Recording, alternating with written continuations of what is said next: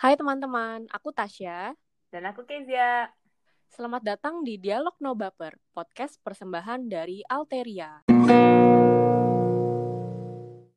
Halo teman-teman, selamat datang di episode ketiga Dialog No Baper, di mana bicara ya di bawah santai aja. Selama dua episode kemarin, kita telah mengikuti Yogi, Cokta, dan Vicky berbicara mengenai pemaknaan personal mereka akan agama dan ritual. Nah, sekarang, sebagai instalasi terakhir untuk tema tersebut, kita akan mengikuti refleksi singkat ketiga teman mengenai bagaimana nilai-nilai agama tersebut membentuk diri mereka sendiri, serta proses terbentuk dan terbentur yang mereka alami dalam konteks masyarakat luas. Simak lebih lanjut diskusi kami ya. Ya, kembali lagi ke ke podcast Dialog No Baper bersama Kaciwa dan saya Kizia dan teman-teman sosiologi UGM 2016. Yogi, Hai. ah, suaranya Cok. Hai. Vicky, suaranya Vicky. Hai, hai, hai, hai, hai.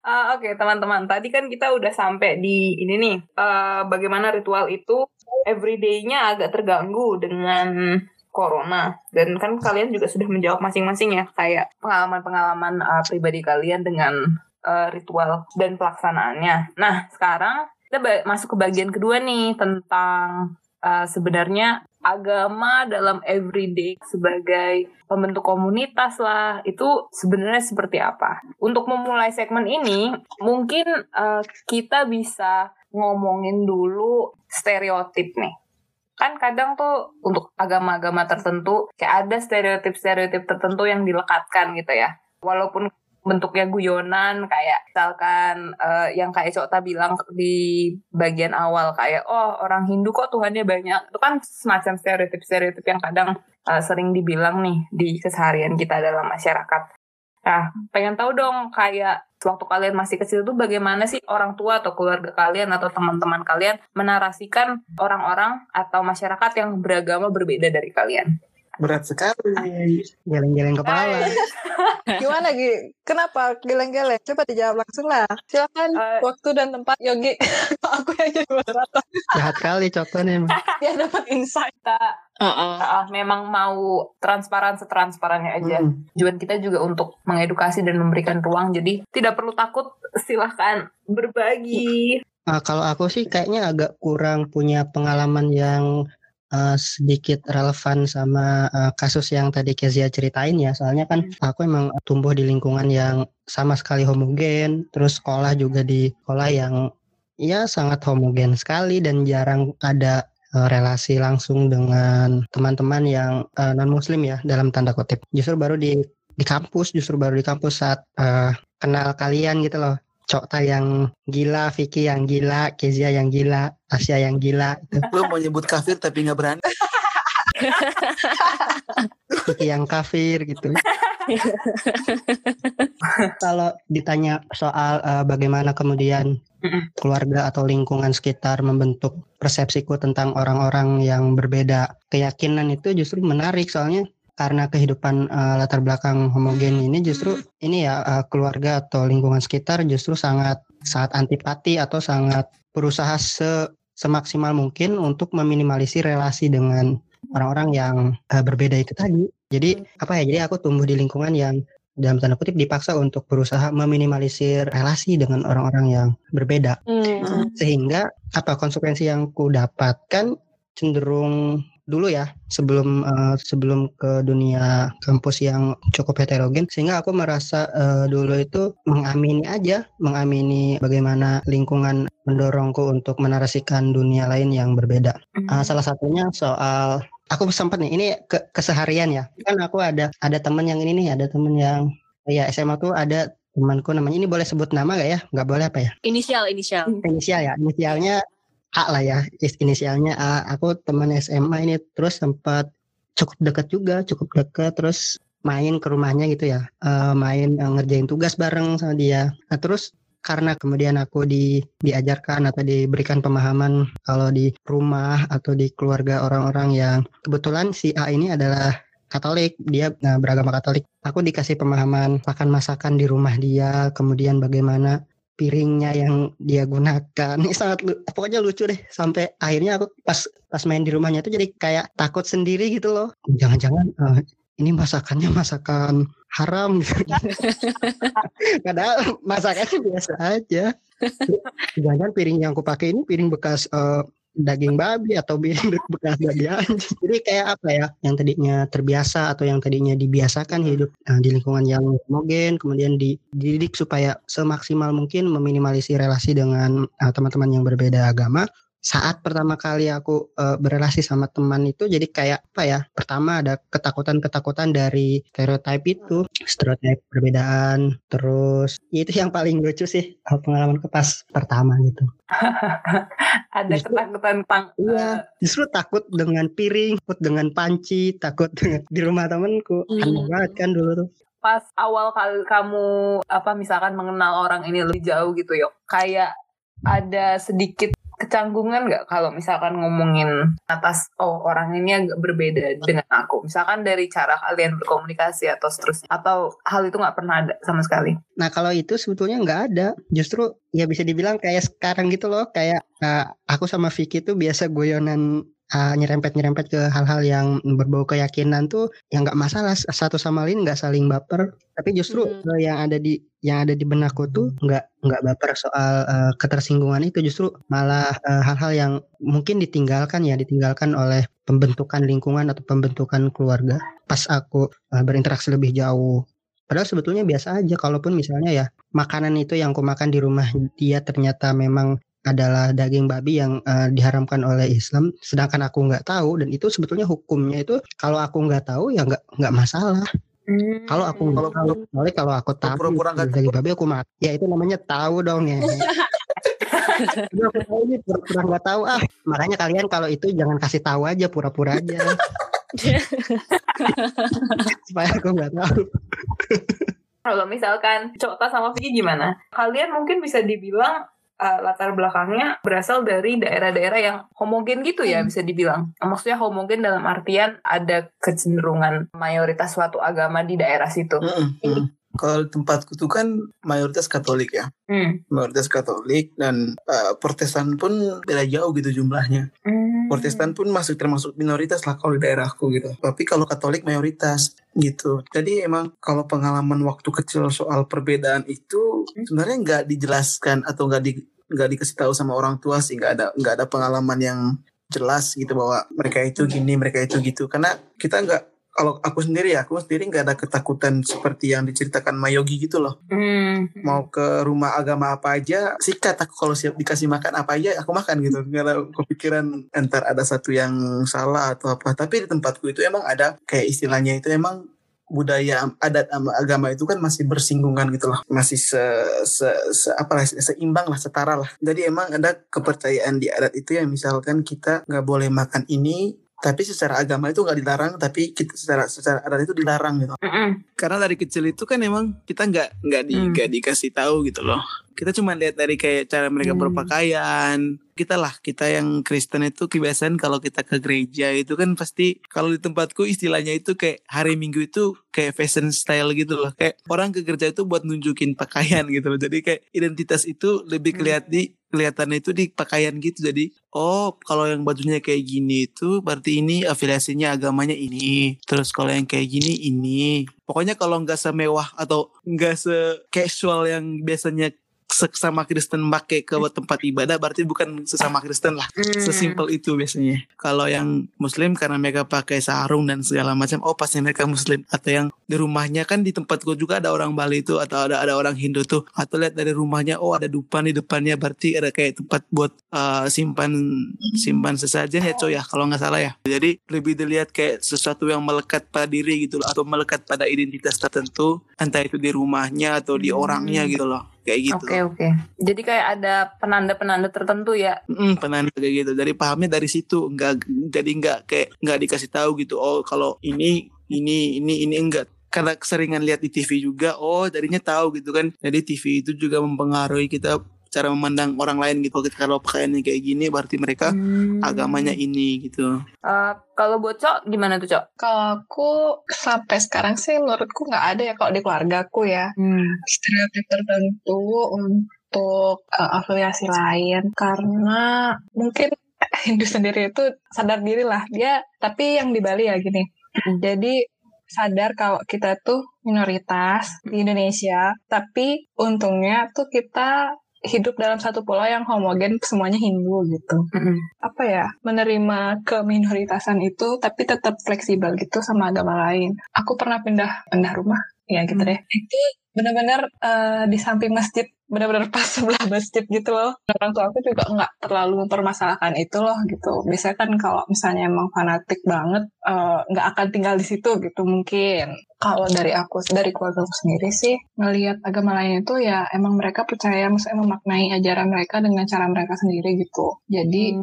dan nggak bisa disamain juga sama agama yang saat ini aku anut gitu sebagai Hindu. Jadi saling saling ngehargain aja sih tanpa harus menolak ada hal yang berbeda di se- sekitar kita kayak gitu. Bahkan waktu Idul Adha tuh ingat banget setiap Idul Adha pasti masjid tuh kan bagi-bagi gini dong kurban. Mm-mm. Nah keluarga gue selalu dapat meskipun mereka tahu juga kalau sekitarnya tetangga-tetangganya ada yang Hindu, ada yang Kristen kayak gitu kan. Mereka juga ngasih terus kita juga menerima aja gitu. Ya seneng juga oh mereka juga berbagi gitu loh sama kita. Jadi kalau dari aku sih kalau stereotip agama lain yang negatif ya tanda dalam tanda kutip tuh nggak nggak terlalu ada Oke oke oke. Jadi uh, bisa ditarik kayak um, walaupun kalian bertiga berasal dari latar belakang yang rata-rata homogen, tapi uh, proses pengenalan itu masing-masing sendiri berbeda ya, dan menghasilkan juga uh, kayak hasil pemahaman dan interaksi yang berbeda-beda juga. Uh, kalau misalkan masuk ke kan kita semua bertemu pas kuliah nih, dan memang kalau kuliah apalagi buat yang perantau itu semua hal yang berbeda dan heterogen banget gitu kan. Nah, kalau memasuki masa-masa kuliah itu kayak pengalaman-pengalaman apa sih yang kalian dapat misalkan eh, ketika ber- bersentuhan dan berelasi misalkan bahkan secara eh, bisa dibilang kayak dekat dan intim dengan mereka yang ber- berbeda agama. Kalau aku ya, eh, kalau aku sih justru eh, terus terang kalau aku pribadi sih kayak eh, ngerasa beruntung banget, beruntung eh, masuk ke lingkungan yang pertama dia heterogen, kedua dia terbuka, ketiga dia tumbuh atau terus eh, berubah dan berkembang. Nah, aku eh, ngerasa ngerasa justru ngerasa ngerasa tumbuh itu ya saat kuliah, terutama dalam hal kehidupan eh, sosial dengan teman-teman yang be- Hmm. berbeda keyakinan kayak aku ketemu Vicky, aku ketemu Cokta, Riri, Kezia, dan aku nggak bakal mungkin punya eh, apa ya intimasi yang seperti ini kalau misalnya aku ada di lingkungan ya lingkungan sekitar rumah, lingkungan di sekitar sekitaran ini aja. Nggak mungkin karena karena jarang banget. Kayak aku nggak aku nggak bakal mungkin tahu kalau Riri itu seri- sering beli dupa buat ibadah. Aku nggak bakal mungkin tahu kalau aku nggak nggak di Jogja bahkan ya yang lucu tuh ya ini bukan bukan dari keluarga langsung sih. Aku pas main ke rumah ada cerita yang menarik sebetulnya pas aku karena aku lama lama kan di Jogja gitu ya. Terus bukan dari keluarga sih tapi dari apa ya bisa dibilang aku main ke ke rumah kakakku gitu. Terus di di sana di- ditanya di sana ada yang non Islam terus aku tanya ya banyak. Yang satu kelas tuh satu jurusan banyak. Ada yang Hindu ada yang Katolik ada yang Protestan aku bilang gitu. Hmm. nah, terus tanya itu kalau yang orang Hindu peribadatan sehari-harinya gimana? Terus aku jawab, ya biasa, mereka eh, ibadah, bakar dupa, so aku bilang gitu, bakar dupa, pakai bunga, berdoa, gitu kayak apa ya, kayak menemukan sesuatu yang aneh gitu loh. Aku berada di lingkungan yang sangat heterogen tuh. Nah terus sampai di sampai diwanti-wanti, awas ya, aku bicara pelan-pelan, iya iya iya iya awas ya, jangan sampai nikah sama orang lain yang agamanya beda gitu. Oh, Sampai gitu. menarik ya, menarik. Kan ini kita ngomongin ini ya, misalkan kamu yang tadinya berada dalam lingkup heterogen, terus pas kembali uh, mengalami um, istilahnya kayak semacam kayak pengukuhan ulang atas nilai-nilai atau misalkan pandangan-pandangan yang uh, dahulu kamu bawa. Nah, pas kamu sendiri di Jogja nih, kayak ada nggak batas-batas tertentu yang kayak kamu lewatin gitu. Misalkan dalam berinteraksi dengan aku dan Cokta dan Riri, ada nggak eh, momen-momen seperti itu yang kayak kamu tidak terbiasa di rumah, tapi kamu masuk ke lingkup yang heterogen tuh kamu kayak merasa, wah ini adalah sebuah batas, kayak ada perasaan seperti itu nggak? terus terang nggak kalau perasaan pribadi ya Mm. perasaan pribadi eh, nggak ada nggak ada merasa eh, melewati batas itu karena eh, ketika aku pertama kali ke Jogja pun Mm. itu bagiku udah uh, langkah untuk melewati batas gitu loh. Jadi apa ya? Uh, memang struggleku struggleku berangkat ke Jogja itu adalah uh, perjuangan mendobrak batas gitu loh. Sebelumnya memang kan nggak boleh dilarang. Nggak ngapain lah ke Jogja jauh. Lingkungannya juga nggak di, nggak diketahui kayak gimana. Hmm. Jadi kayak ngerasa ya udah udah di Jogja itu udah udah dalam udah dalam melampaui batas gitu. Udah apa ya udah ya udah mendobrak batas yang kamu ceritain tadi sih, Kes. Udah udah kayak masuk dunia baru gitu ya. Iya memang iya gitu kayak itu dunia baru sehingga apa ya kalau orang kan bingung juga ya kalau orang yang baru masuk ke lingkungan baru hmm. bingung juga nentuin batasnya di mana kan. Hmm. jadi kayak ngerasa free aja bebas aja di pas di Jogja tuh. Eh. Iya dan itu momen-momen sangat membahagiakan sih.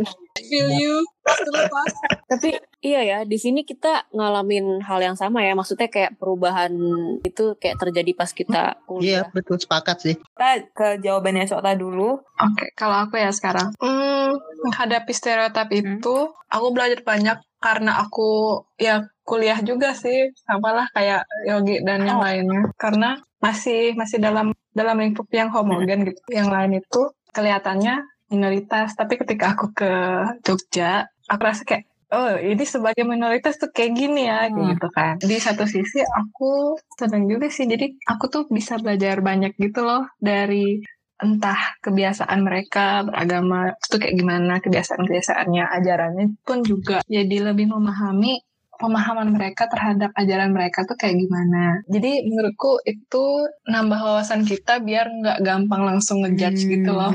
Karena belajar banyak hal itu juga selama di Jogja dan karena banyak belajar banyak hal itu jadi belajar gimana cara menempatkan diri sih. Kalau ajan tuh harus gimana ya menghormati jadi kita diam aja dulu hmm. gitu. Terus juga gak serta merta kita tuh menolak gitu loh. Kalau aku aku nggak serta merta menolak misalnya dikasih tahu pemahaman tentang agama mereka aku nggak nggak kok di Hindu nggak kayak gini nggak kayak gitu biar jadinya aku ngerti oh mereka hmm. ajaran agamanya berbeda gitu sama aku jadi aku ngerasa ya udah saling saling ngerti aja karena dengan aku tahu um, ajaran yang lain oh juga nggak membuatku tiba-tiba langsung bukan Hindu lagi kayak gitu loh hmm, hmm, hmm.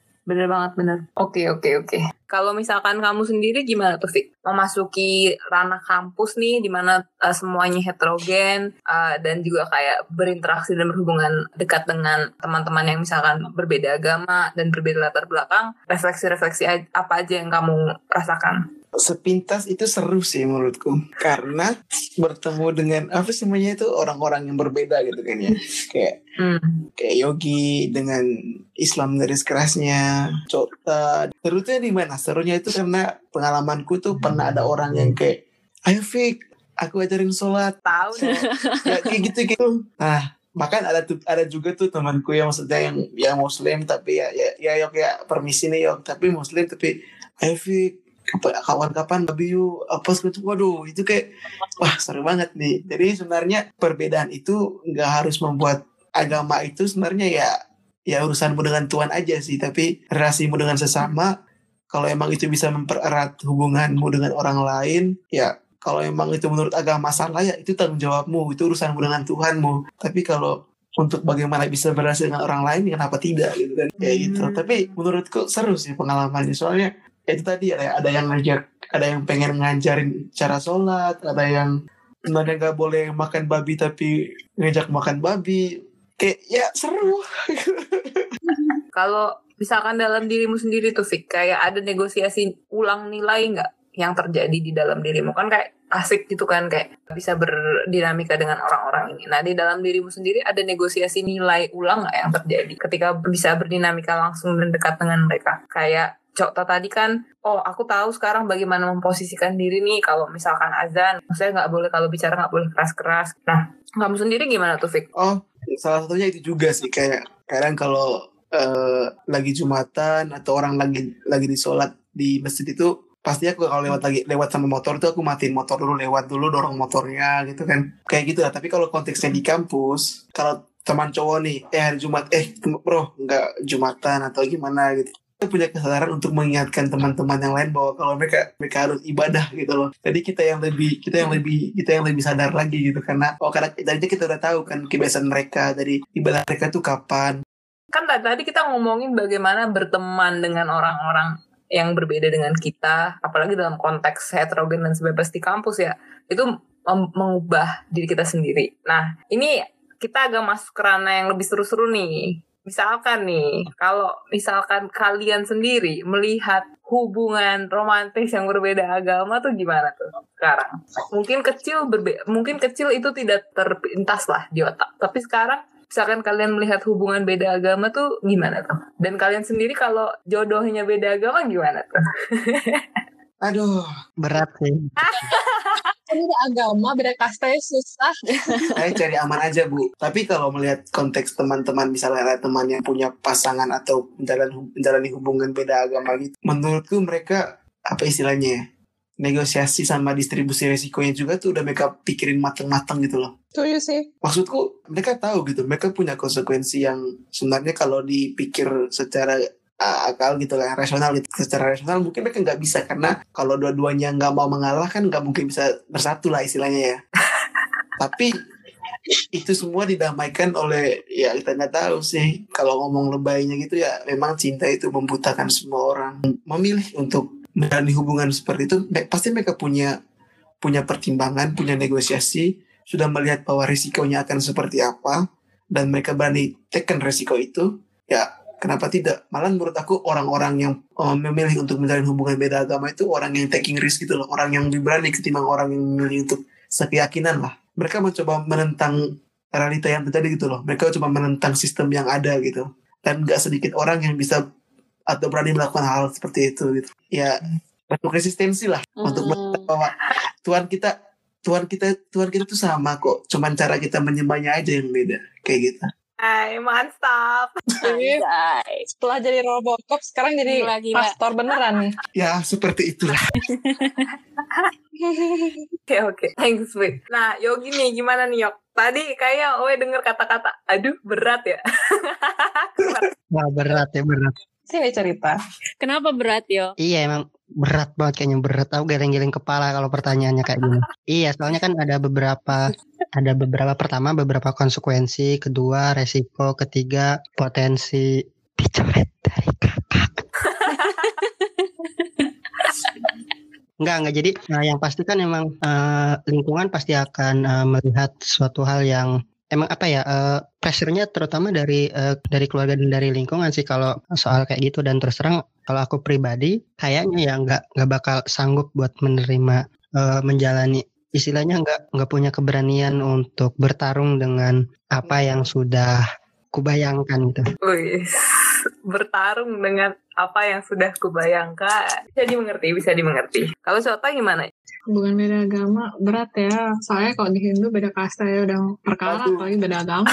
sih ke karakteristik keluarga kalau di keluarganya memang pada dasarnya nggak nggak terganggu sama perbedaan mungkin bakal jalan sih soalnya beberapa keluargaku yang memang selain nikahnya beda kasta ada juga yang beda agama gitu loh dan emang sih pasti pasti awalnya ada tantangan di situ. Cuman ya kayak Vicky bilang tadi kekuatan cinta.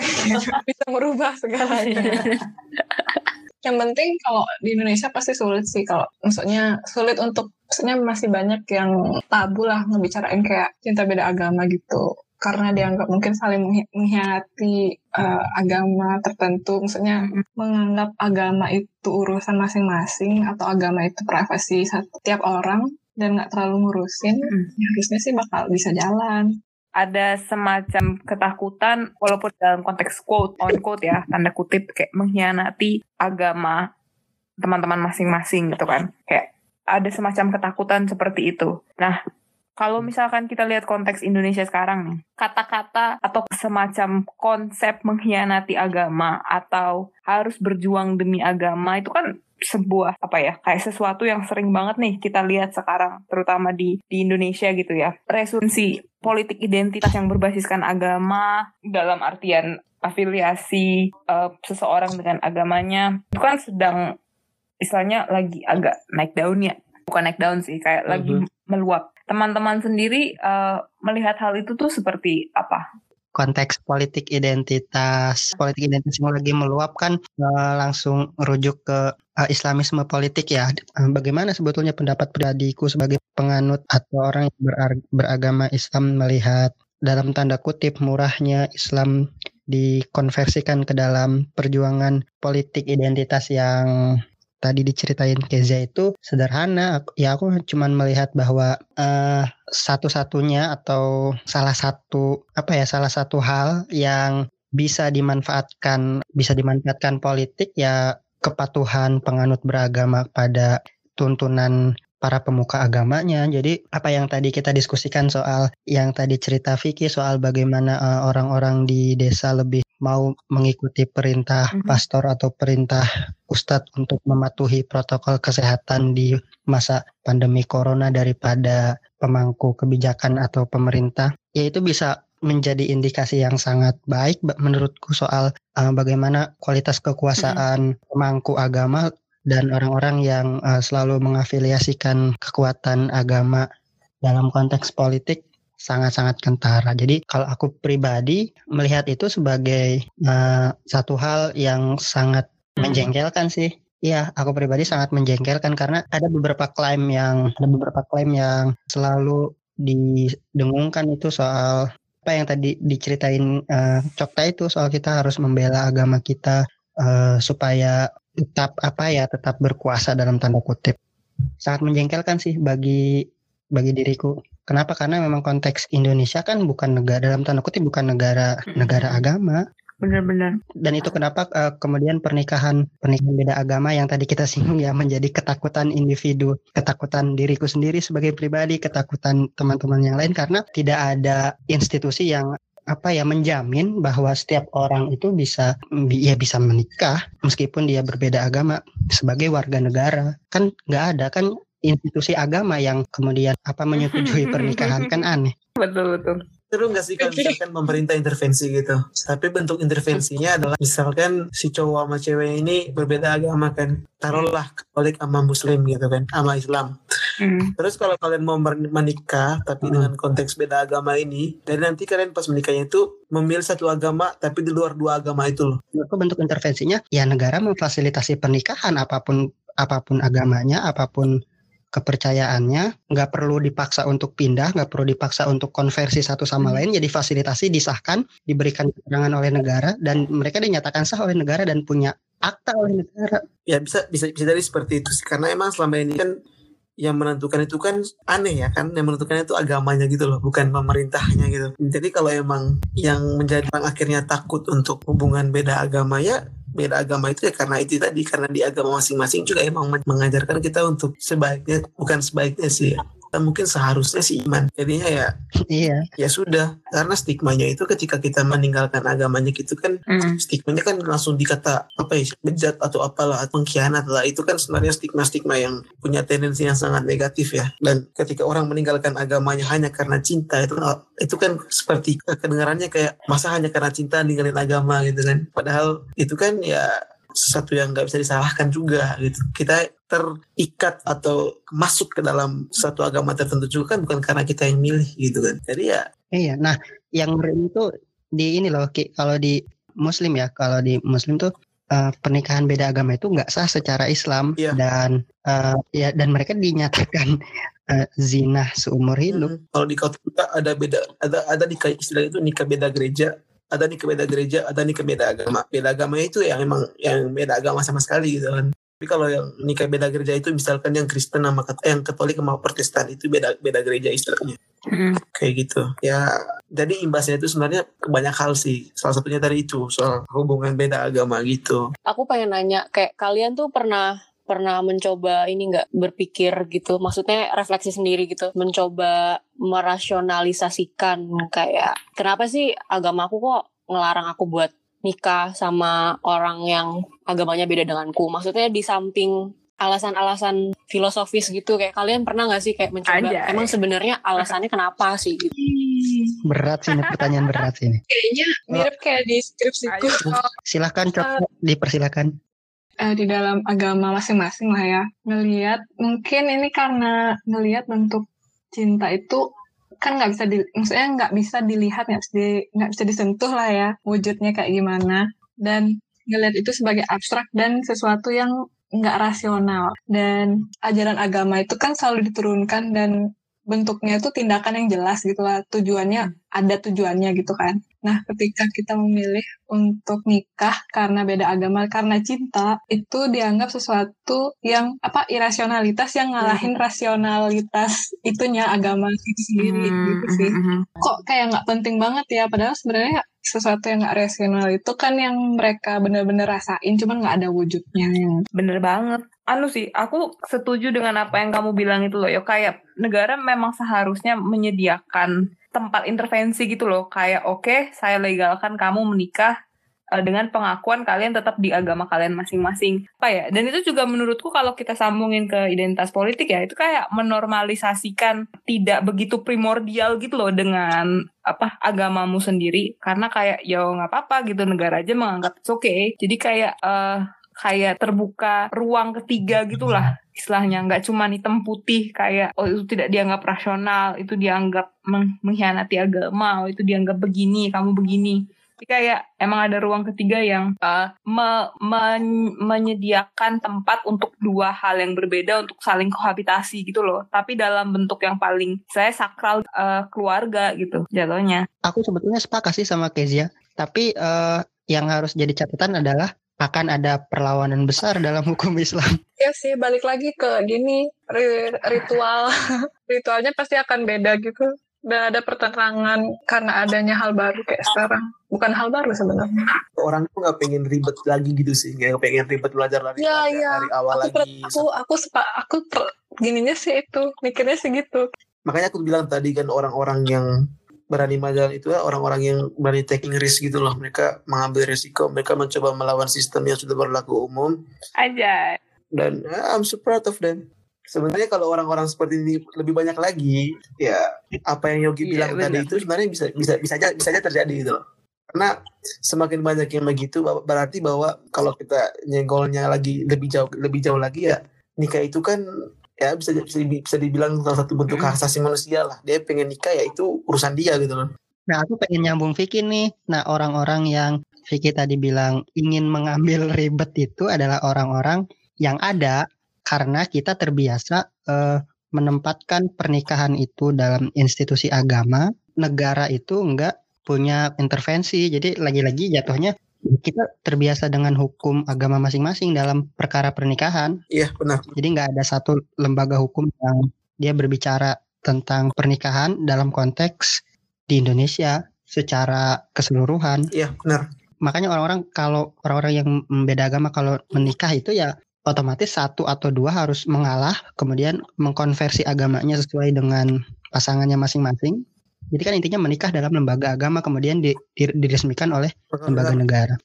kita kan dari tadi membicarakannya uh, membicarakan perbedaan agama dan relasi bisa dibilang relasi atau hubungan kuasa di dalamnya tuh dengan secara moderat ya dengan secara saya gamblang dan ya ya apa adanya. Nah uh, gerakan-gerakan kayak gitu kan sekarang udah mulai muncul lagi nih di misalkan di Twitter kalau kalian familiar dengan kayak NU garis lucu ada NU garis lucu Ah, ah, Hindu garis lucu, kata- Jawa garis lucu juga ada ada Bukan banyak agama. meme-meme tentang misalkan kayak eh, agama Krislam dan dan Iya iya tahu tahu tahu tahu. Islam tahu. Krislam. Nah, aku sendiri pengen nanya nih sama teman-teman kayak tanggapan kalian tentang proses toleransi yang seperti itu kayak gimana tuh? Nah, menurutku sih itu sangat apa ya, sangat eh, alamiah itu sangat alamiah. Mhm. Kedua sangat kreatif. Ketiga itu mencerminkan eh, nilai-nilai universalisme yang sangat-sangat kreatif Mhm. terut- terutama. Jadi tuh aku jadi ingat ini loh. eh, kalau kalian kalau kalian sedikit ngeh soal eh, sejarah komedi, jadi di apa ya di di di Yunani itu dulu Mhm. eh di Yunani di Romawi itu dulu ya eh, proses-proses kritisisme itu kan sangat ditentang ya, sangat ditolak gitu kritik-kritik itu. Nah, eh, komedi itu hadir ketika kritik itu tidak bisa menembus menembus lembaga lembaga negara. Mereka eh, berkomedi terus kemudian me- menyinggung sana sini membolak-balikan logik, mematahkan logik-logik yang dianggap suci atau dianggap tidak boleh disinggung-singgung. Nah, menurutku kehadiran-kehadiran kayak gitu tuh bentuknya mirip sih. Ada beberapa generasi atau ada beberapa elemen masyarakat yang uh, sudah sudah menganggap power atau kekuasaan lembaga keagamaan itu sudah sangat menjengkelkan, tidak bisa dikritik atau di dievaluasi secara publik sehingga ya salah satunya jalan ya lewat komedi, lewat satir-satir semacam itu. Itu menarik sih. Yeah. Tweet atau meme itu sekarang jadi jalan jalan ninja baru lah boleh dibilang buat mengkritik. Tapi tanpa harus benar-benar menyakiti gitu loh. Nggak nggak nyakitin pihak-pihak tertentu. Entah ngetawain satir ke agama kita sendiri ke agama lain yang emang sebenarnya yang kayak Yogi bilang udah menjengkelkan yang bisa dikritik. itu jadi apa ya suatu fenomena baru buat cara mengingatkan lah ya.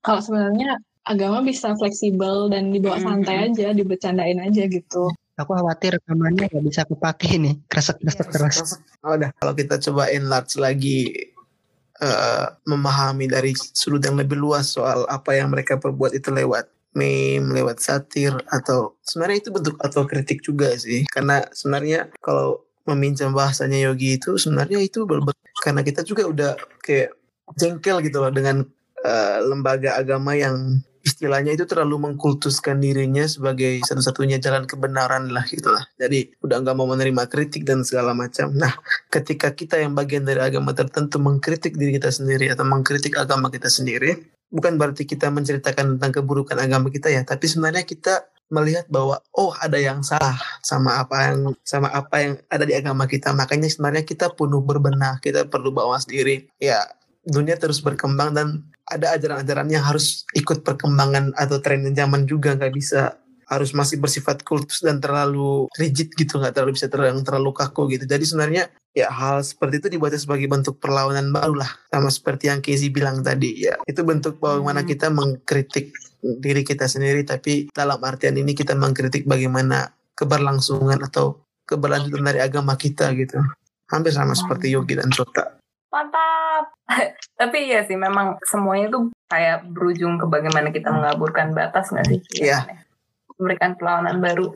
Oke okay, guys. Um, kalau we lihat-lihat kita semua udah agak agak-agak drone out uh, karena uh, sudah lama juga ya ternyata sesinya aku mungkin mau banyak-banyak berterima kasih buat partisipasinya untuk diskusi dan dialog yang sudah terlaksanakan hari ini. Uh, thank you banget buat uh, Yogi, Co, dan Vicky di tempat-tempat yang berbeda, satu di Bogor, Bali, sama di Jogja. Makasih sudah mau bergabung dengan uh, dialog No Baper. Uh, thank you banget ya guys ya. Yuhu. Yes.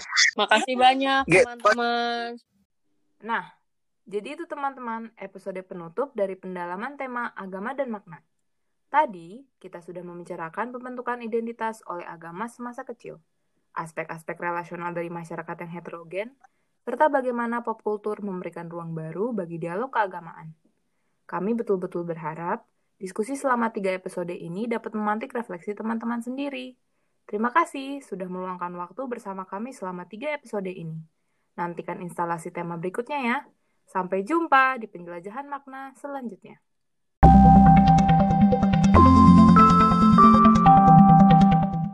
Dipersembahkan oleh Alteria. Jelajah makna bersama-sama.